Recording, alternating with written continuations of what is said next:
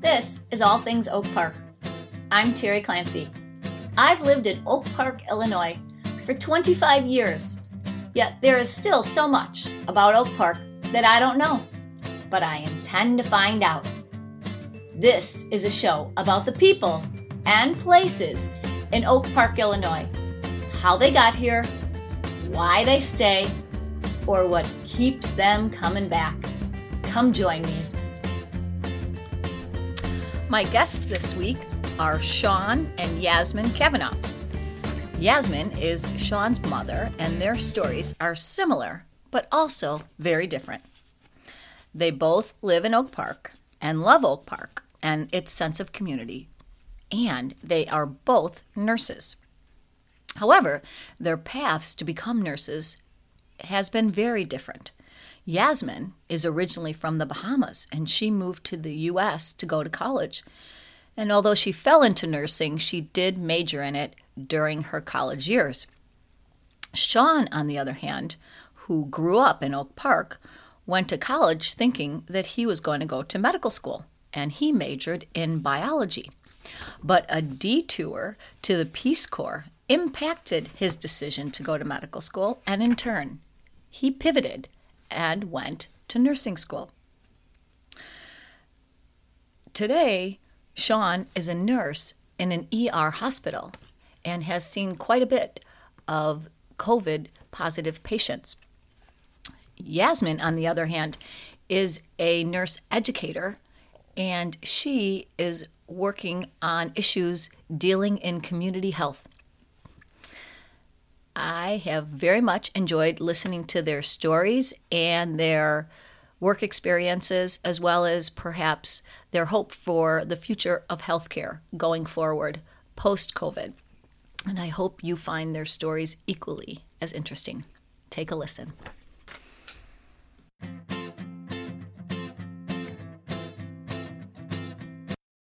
Asked all things Oak Park. Hello. Thank you. Hi. Uh, well, so I am so glad that you were able to come on. Um, for the listeners, uh, Sean and Yasmin are related. Yasmin is Sean's mother, and they both live in Oak Park now, and they are both nurses. And so there's no coincidence in that. Um, I think that, Yas, if you perhaps tell us a little bit about your childhood um, and coming to the States and then how you got into nursing and eventually ended up in Oak Park. All right. That's kind of a long story. I'll try and. Well, uh, yeah, you can do it in a little. Why don't we just start with where you were born and how you made it to the States and got into nursing? Okay, great. So yeah, I was born in Nassau, Bahamas. Um, I was born and raised there. I spent we spent a little bit of time during my childhood in Montreal while my parents were back in graduate school, but most of my life was spent um, in the Bahamas. Uh, so I went to grade school there and high school there. And at about 16 back then, um, we took final exams in high school, and everybody graduated at 16 and then moved um, on to college. So when I was 16, I chose to come to America. Um, many of my friends went to Canada or England, um, but we had American citizenship through my mom, so I came here. And I wanted to see something fun and different, so I came to Chicago because I wanted to see the snow. I never really thought I would get stuck in it, and I never thought I'd hate it as much as I do. But, but I just thought it would be a fun opportunity to see something different so I ended up in Chicago. I had some friends who were coming up here to school, and I kind of came along with the group of friends from there. Because we were so young, I didn't want to end up, um, you know, in the big America by myself. So I followed my friends up here. Um, so I ended up at a very small school in Deerfield, Trinity College in Deerfield. It's very small, very conservative, and it was associated with the church youth group that I was involved with at, the, with at the time. So I kind of felt like it would be a nice, you know, nice to be associated with that and with the group of friends that I had from church. But I got there, and after two years, realized, yes, just really was not the right environment for me. It was just too tiny. It was in a suburb. It was far away from. It was not what I wanted to experience of America. It was very very rural and very conservative. So I left after two years, but I did find my husband there. So Tom um, graduated from Trinity and uh, had a wonderful experience there, different than mine. but I actually left after two years because I realized in my, uh, you know, first couple of years of college that I was interested in nursing, and they didn't have a nursing program anyway. So, I then moved to North Park, which is in the city, and that gave me the exact experience I was hoping to find in Chicago. Um, it was a small school still, but it was in the big city. It was right at the end of the Brown Line, so you could safely explore and not get lost. Because if you got on and you got lost, you just stayed on and you ended up right back where you started. So it was a, it was a nice introduction to Chicago. And, and had uh, you gotten back to the Bahamas during this time? Did you go back and forth much? Oh yeah, when I was in college. Oh yeah, I went yeah. back every every year. I went back. Um, I was a regular college student, so I would go back for holidays and summers. Um, it wasn't until I, after I graduated that Tom and I got married, and then I I permanently moved here. So that was uh, how did I end up in nursing? Quite by accident. I I really I've always been interested in healthcare. I've always been interested in how the body works and science. And I think at one point, Tom's mom said, just, you know, I was looking into something different, I think like special ed or something. And she goes, you know, why don't you look into nursing? And I, I, I was like, you know, that sounds like a good idea. So I went into nursing just you know, I didn't really know what to expect. Nursing in America is very different than nursing in the Bahamas. So How is it different? Nursing in the Bahamas is still it's kind of a socialized healthcare system down there. They have public hospital and private hospitals, but the practice is it's a lot more independent. It's a lot more here. It's a lot more independent and a lot more autonomous. Exactly. Yeah. Yeah. You have you have the ability to make more decisions here than you do there. It's very very old fashioned, I think, uh, there still. Nursing ended up being something I kind of fell into by accident, but ended up loving. You know, my whole career has been 30, 33 years in nursing. Did I answer all of your questions? Let's see. I came up here for college. I ended up in nursing. I met Tom at Deer. I met Tom when I was 17 years old. Um, apparently, he spotted me as I when I was a freshman out of his dorm window, and declared to his roommate that he was going to marry me and make little Baja Americans. So here we are with three little Baja Americans later. um, and uh, so, yeah, after I finished college, I ended up marrying Tom pretty much right away. So I got married at 22. And then, you know, that's, we ended up having a family after that. You ended up in Oak Park. So, what brought you here? Yeah, so because um, we are a multiracial family or, uh, you know, biracial family, um, we I grew up in the Bahamas. We had a very, very kind of a cosmopolitan by you know interracial experience growing up that was it was not an unusual thing to have mixed marriages down there. So it was something i was very familiar with and and um, you know comfortable with. But that's not really at least it wasn't then and it's not really so it's getting to be more more um, you know prevalent now i think in america. But um, because we were mixed i didn't want my children to have any issue with race. So we looked uh, in the areas around Chicago that we knew were deliberately mixed, and that we looked in three areas. We looked at Oak Park, Evanston, and Hyde Park, because that's what we heard was um, they were very inter, you know, or uh, racially mixed. And when we drove around, we actually Evanston didn't make much sense logistically because Tom worked in Naperville and that would have been impossible to get to. Oak Park made more sense logistically because it was west and it was, you know, closer to where he worked. But really, the thing that drew us here was the racial mixture because we looked around and we drove around and we went to parks and we noticed people and kids who looked just like who you know, uh, we didn't have, well, we had Sean then. Yeah, he was one when we moved here. So we noticed people who had kids who looked like our kids, and we wanted that to be something that our kids grew up in and appreciated and didn't feel different and didn't experience um, any kind of racial stuff. So Oak Park seemed to fit really well for that reason. Yeah. Well, interesting. So Sean got into the the story quickly here. Uh, you're one years old. So Sean, tell us a little bit about your childhood in Oak Park and your background, kind of bringing you to nursing as you are working today. Yeah, um, I think that my mom probably hit it on the head, and that Oak Park does, and that has always been my experience with it. Is um, a lot of the people that I went to high school with, played sports with my whole life. They do look like me and they are like me. Um, so it was a really perfect place for the family. But I went to St. Giles uh, uh, Catholic school from K through 8 and still have some best friends from there.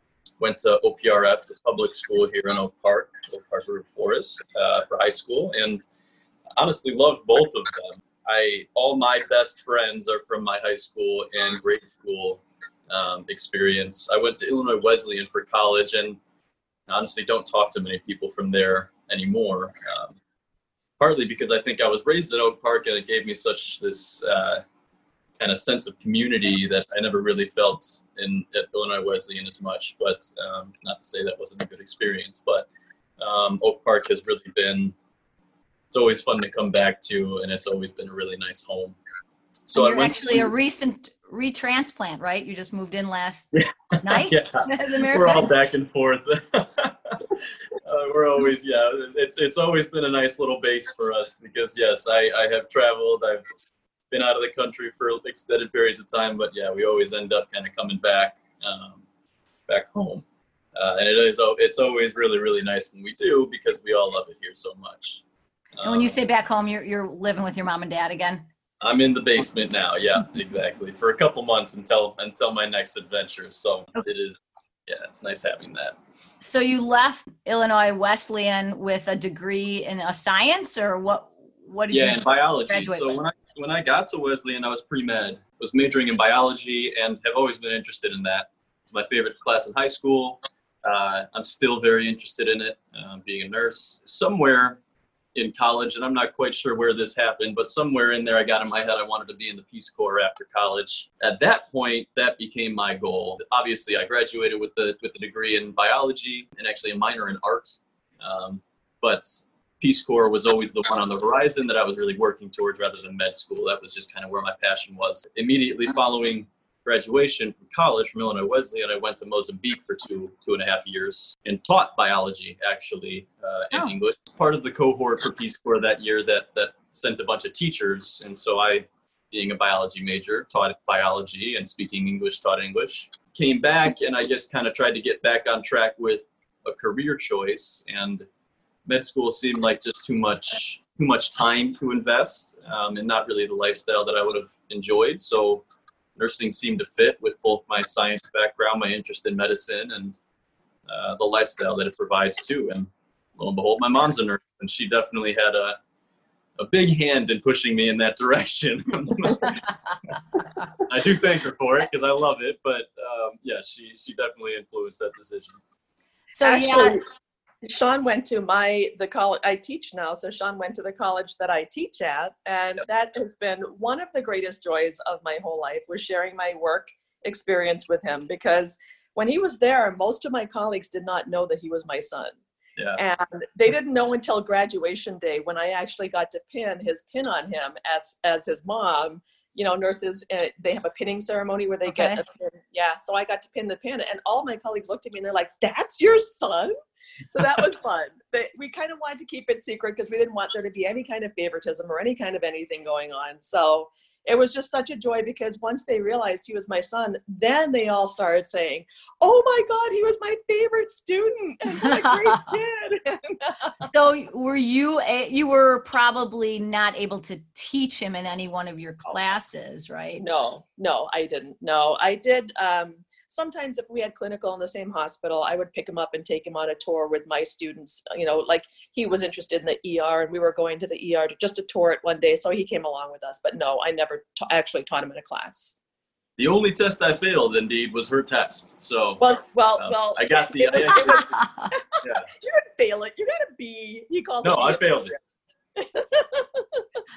No, Wow. Her class was by far the hardest class, and she didn't help me at all. So no, no favoritism going on.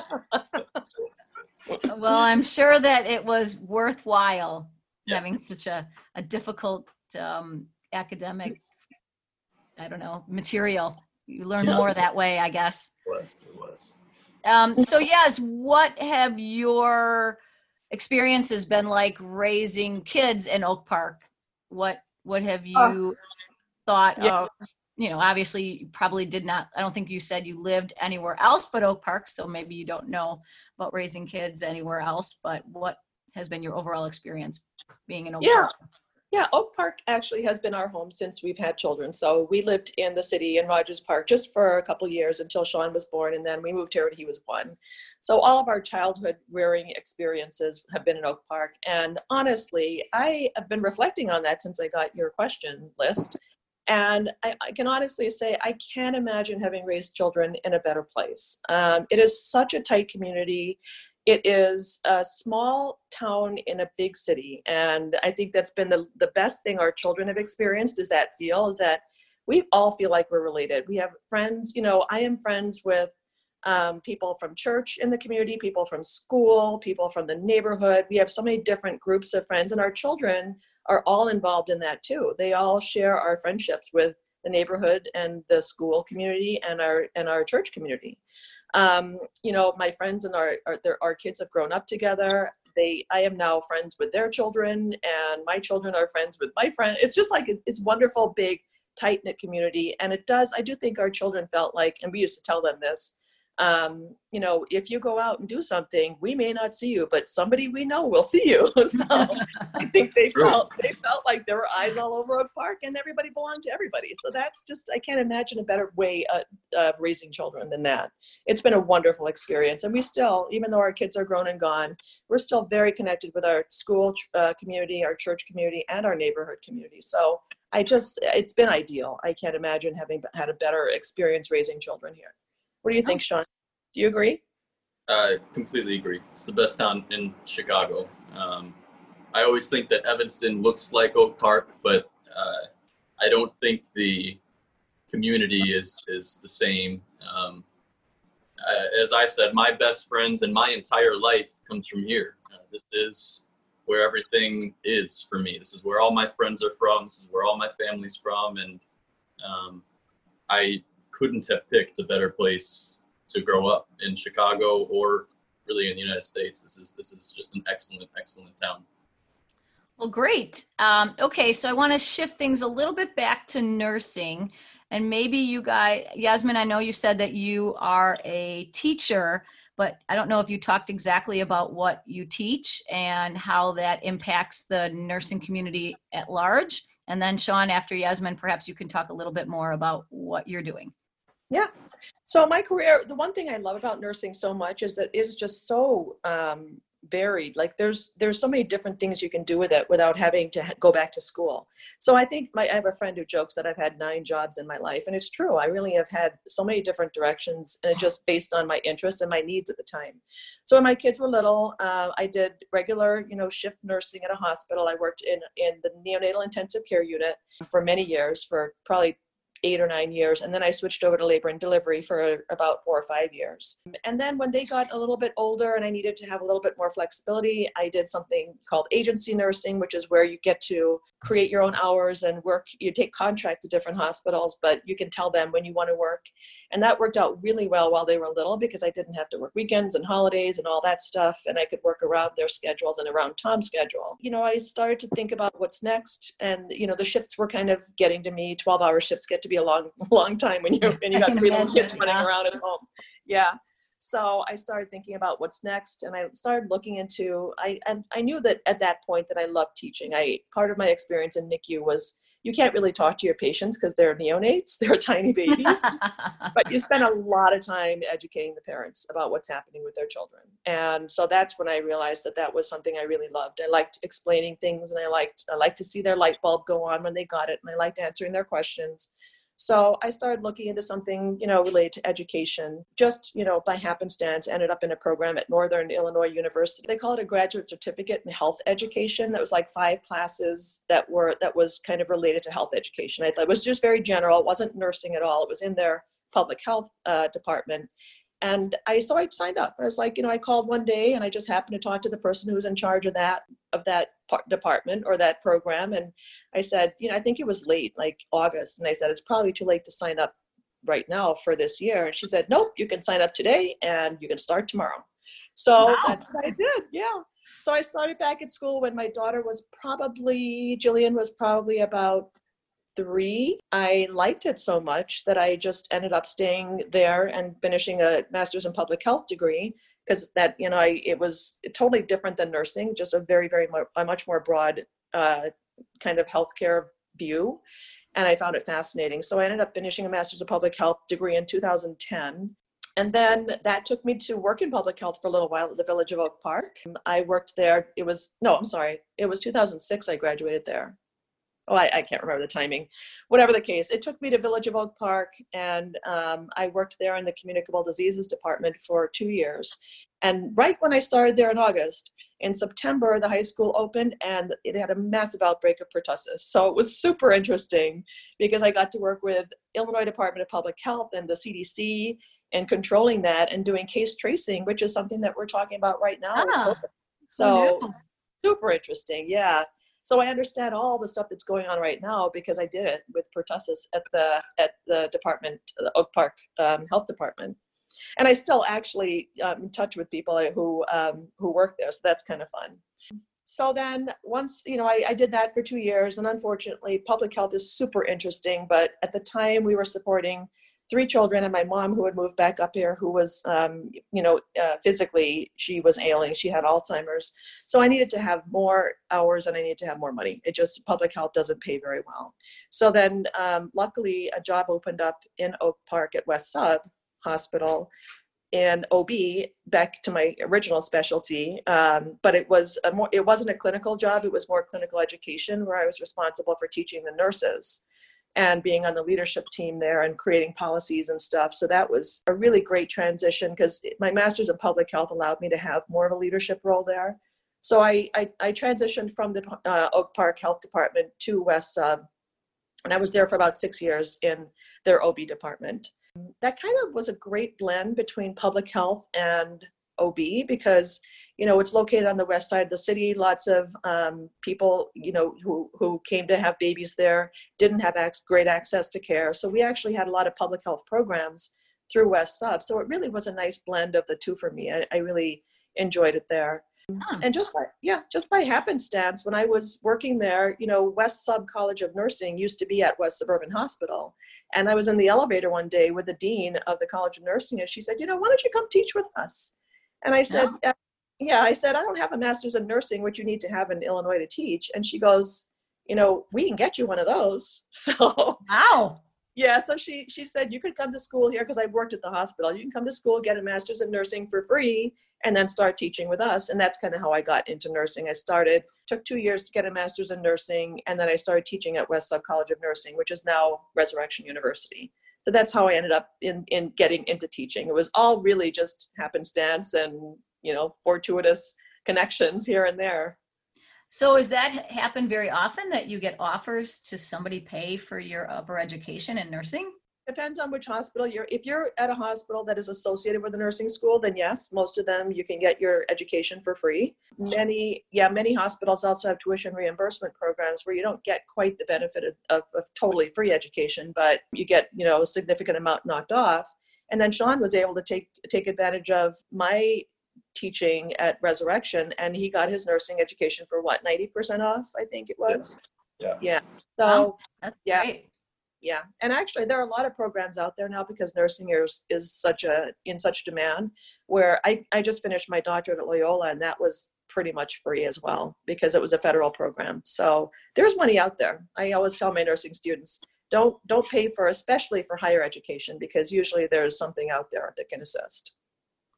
So Sean, are you interested in pursuing a further degree in nursing or you kind of just want to wait and see what happens? I'm kind of in the beginning stages of my nursing career, so I'm more in the wait and see what happens uh, boat right now. But yes, I have always enjoyed teaching.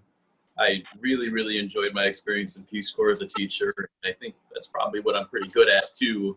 Definitely want to get to a point where I could become a nurse educator also. Uh, but it's definitely more school, and right now I'm enjoying what I'm doing right now, and I'm gaining a lot of experience that I would use later in my career if I so happen to do that. Um, so I we have seen a lot of nurse uh, nurse educators come straight from school directly into nurse education and not having been a nurse.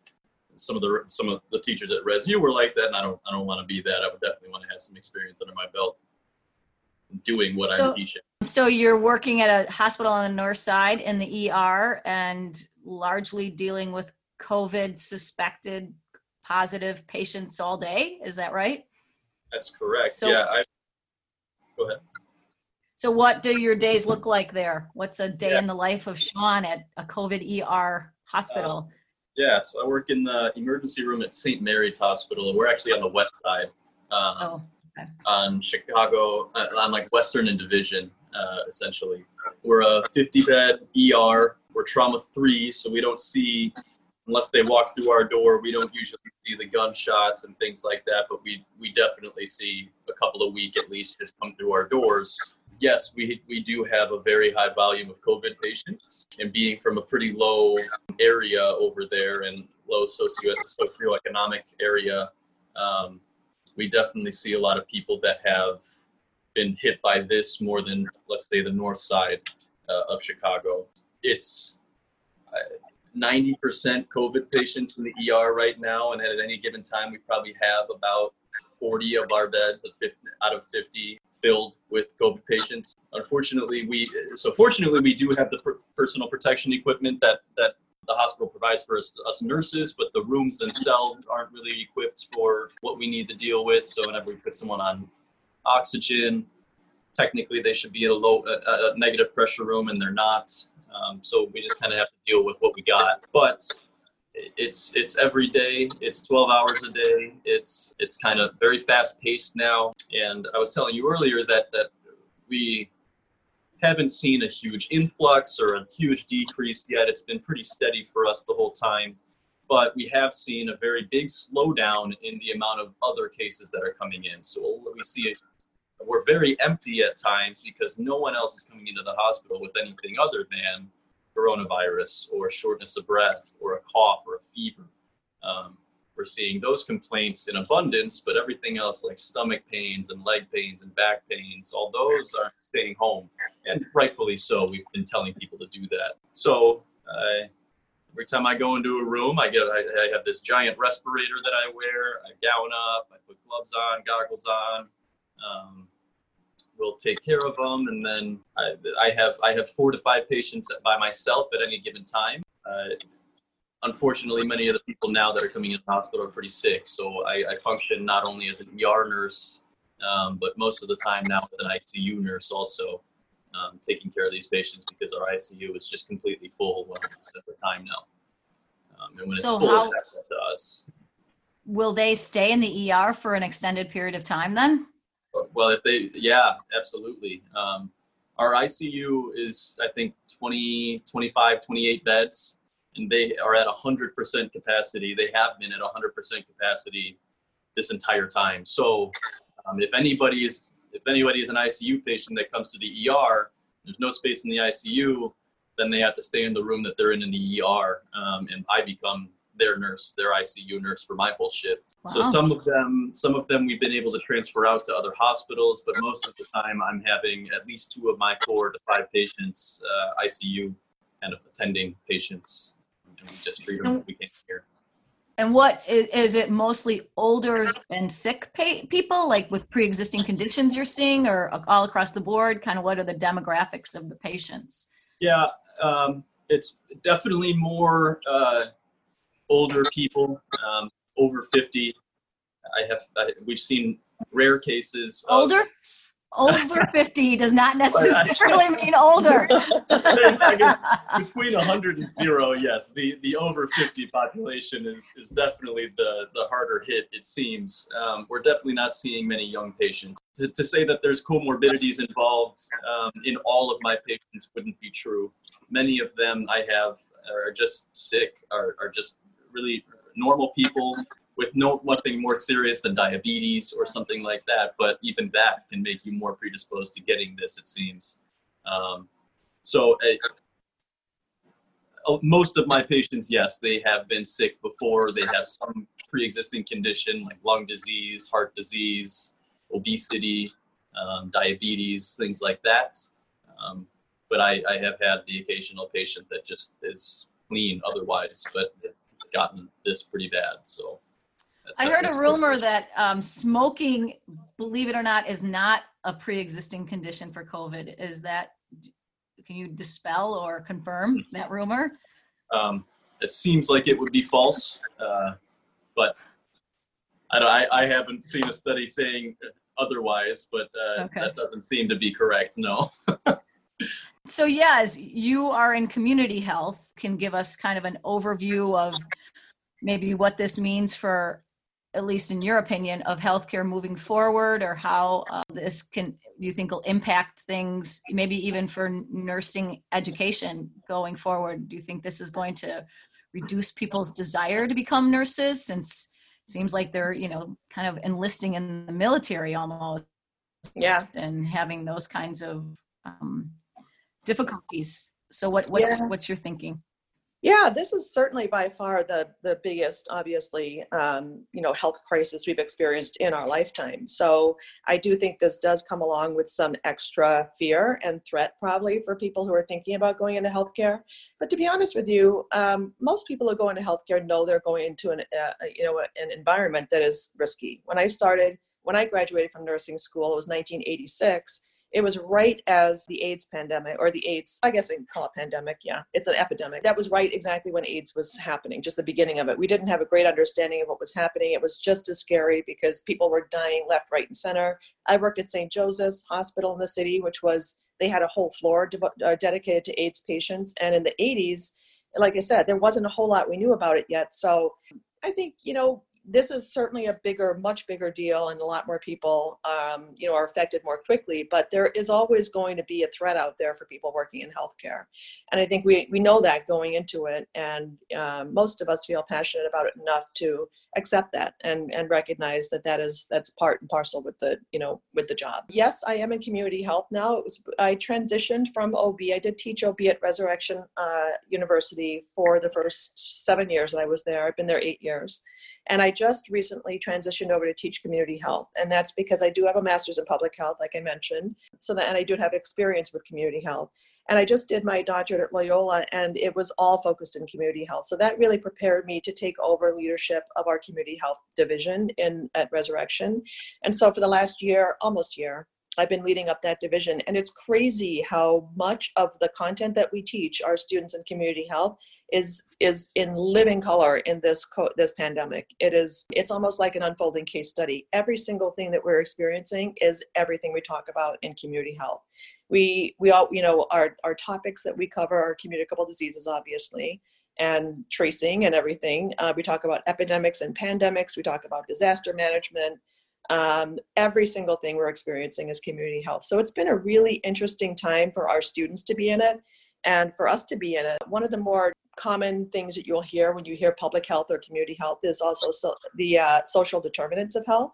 And we're seeing that being played out in covid as well. We see the you know areas on the west side and the south side are much much more uh, uh, or uh, devastated by this disease because of the lack of access to care lack of um, lack of healthcare resources they've suffered with for many many years. So there, there there's a huge component that is now we're talking about more in community health which is social determinants of health. And that is um, you know i think that's hopefully where we're going to be able to put some resources to change some things. This was a this was uh, apparent when you know i just ended up leaving ob and moving to community health but we also talked about the same concept in ob because of the rate of maternal morbidity and mortality in those same areas the west side south side african american population. It's the same thing. So so we're seeing disproportionate you know or disproportionate amount of, of disease and infection in this population because of what's around them. So that is where community health is moving. We're talking more about changing communities and you know, not just um, providing hospitals, but actually talking about all the things that go into healthcare. You know, access to good education, access to healthy and safe areas to walk around in, access to um, primary care as opposed to you know an emergency room so hopefully i my goal and dream is that we can we can put more effort and emphasis on primary care in these areas and really make healthcare changes that make that help us prevent illness from happening in the first place because that's what's going to help prevent these long term or these side effects of you know not being able to properly or uh, manage diseases or so when covid comes along it doesn't affect somebody who doesn't have hypertension and diabetes as much as it as it affects people who you know who suffer from those conditions. So if we can prevent those conditions we can prevent the the the bad outcomes of, for a lot of different uh, different things. You know, maternal mortality, COVID, all these other things. So that's what I'm hoping. That's where I'm hoping community health leads to, and I do think I hope that healthcare moves in the direction of moving health out of the hospital and out into the community where we go and we we reach patients instead of waiting for them to come to us because we're doing it backwards right now and I, I teach my students we have a sick care system we don't have a health care system we need to teach people how to be healthy and not be sick as opposed to waiting for them to get sick to come get get healthy Yeah. um, Yeah. so yeah. Great. Yeah. um, and unfortunately, uh, I, I don't see in, in real life the effects of what my mom is teaching in her hospital or in, in her in her classrooms, and I'm on the I'm on the end where I'm treating the sick patients that she's saying is are coming in instead of being healthy outside of the hospital. Right. Well, I guess maybe those people are not coming to the hospital because they're heeding this community health people's warnings, Exactly. right? Yes.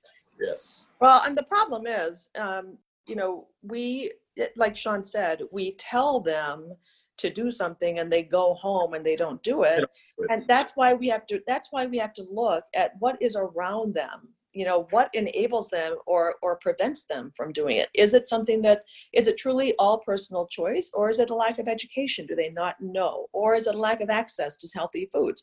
I, I'm involved with a, with a group of uh, women on the West Side and we actually had a focus group um, with I, I am involved in West Side United, which is a group of healthcare workers who are looking into bringing better healthcare to the West Side. And so we had a focus group, and we asked some of the women in this group what you know what make what prevents them from accessing healthcare. And it's interesting to hear what they say. You know, first of all, if you have three children or more and you're taking public transportation and you have to go to the doctor's office with all three children and go to the grocery store and you know you're going to shop at the nearest Walgreens because you're not going to get on the bus and take three store three three stops down to get your groceries while you're transporting you know three babies in a in a stroller. It's just it's it's it's a lifestyle that they live but it's also access to stuff that they that that they don't have. So this is where you know taking a holistic look at health is what it's what's important. Yes they Right. they don't necessarily do what we tell them to do but are we do they have the things around them that support them? Can they take a walk without getting uh, without fear of being being harmed physically? No in some neighborhoods they can't. So how do we change what's around people to encourage encourage health as opposed to you know just prescribing something and then and then having them be what we call non-compliant with our prescription? So Right, it's right, changing right. the language it's changing the language around it Well, hopefully, yeah, some money and attention can get focused on that post COVID so that is and not just talk about them, right? say Lori, Light, Lori Lightfoot's actually trying to make some changes during COVID because there are changes that, you know, it's a great opportunity to try and make those changes. So it's interesting to see, um, or it will be interesting to see what comes out of this because I think it's it's giving it more of an urgency because of what we're seeing on a daily basis now. So I think there's some things that are happening quick, faster than they probably would have without COVID. So we're, you know, I'm hopeful that things will change. We'll see what happens. Yeah, that would be great. I know that some companies talk about um, we're living in 2030 in the year of 2020 just because they're all been forced home and they have to kind of upgrade their whole digital you know mindset with their companies so Exactly. perhaps we might be able to experience some of that with healthcare as well Yeah. so just going back to Oak Park and kind of wrapping things up, I thought maybe you guys could tell us some of the things that you really like about Oak Park for people who may be new to Oak Park or visiting, or perhaps someone who's lived here all along but just never found those little gems that you have found yourself. So, Sean, you want to tell us some of the things that, or one or two things that you would recommend? my favorite building in Oak Park is our library. Our library is incredibly nice, um, and I spent a lot of time studying there while I was in school. The Um, main library? the main library is yeah. beautiful. It's beautiful, beautiful. Really nice place to sit and study or read a book. There's always the uh, couple places that in high school we used to go to Johnny's all the time, which is right on North Avenue across the street from St. Vincent. Oh, yeah, And that's in Elmwood Park, but close yeah, by. right a neighbor. Park, but right across friend of Oak from Park. yeah, um, and Alpine is also technically in Elmwood Park, but also uh, an Oak Park staple. And honestly, the one thing that I, that that Oak Park has always been nice for me is just the streets and the blocks, um, specifically on the north side of Oak Park, are just beautiful. The houses are beautiful. The architecture is gorgeous. I've always I've always found it really nice just to kind of walk around on the north side of Oak Park and just kind of take in the architecture. I just I really love coming back. It's such a beautiful place. Well, that's great. Yeah, and that's you know, shout out to South Side Oak Park. You're beautiful too. I personally had more experience on the north side. yeah, as you just so, grew up north side, so. yeah. Um, and how about you? Yes. Any recommendations? Yeah, uh, I totally agree with Sean. I think my favorite thing to do is oh, it's very walkable, super walkable. Like we live on, we live north, way north of downtown, but we still walk there frequently.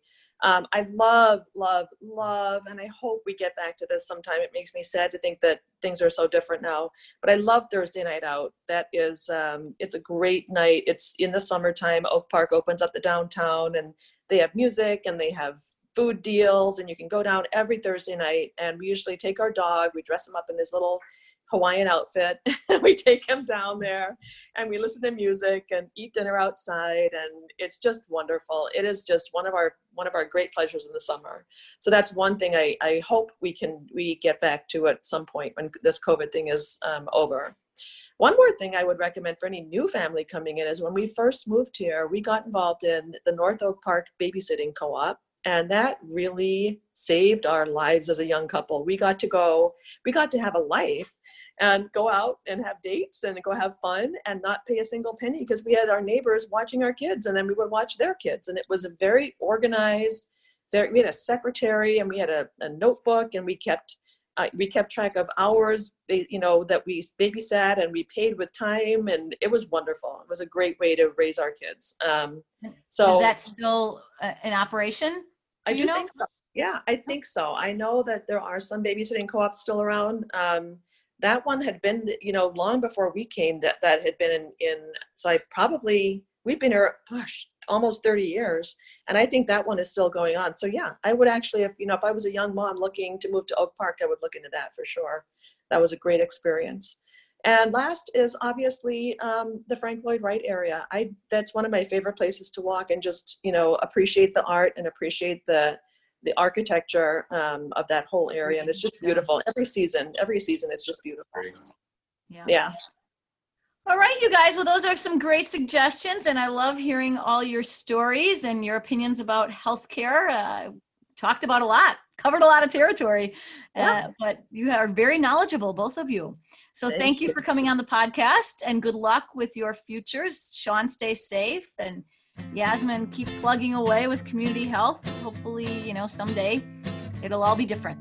yes thank you So, All thanks, right. Dave. all right thanks so much take care bye bye Thanks for listening to the show. If you want to get in contact with me, you can head on over to my website, Teresa Clancy Law, and all my contact information is there.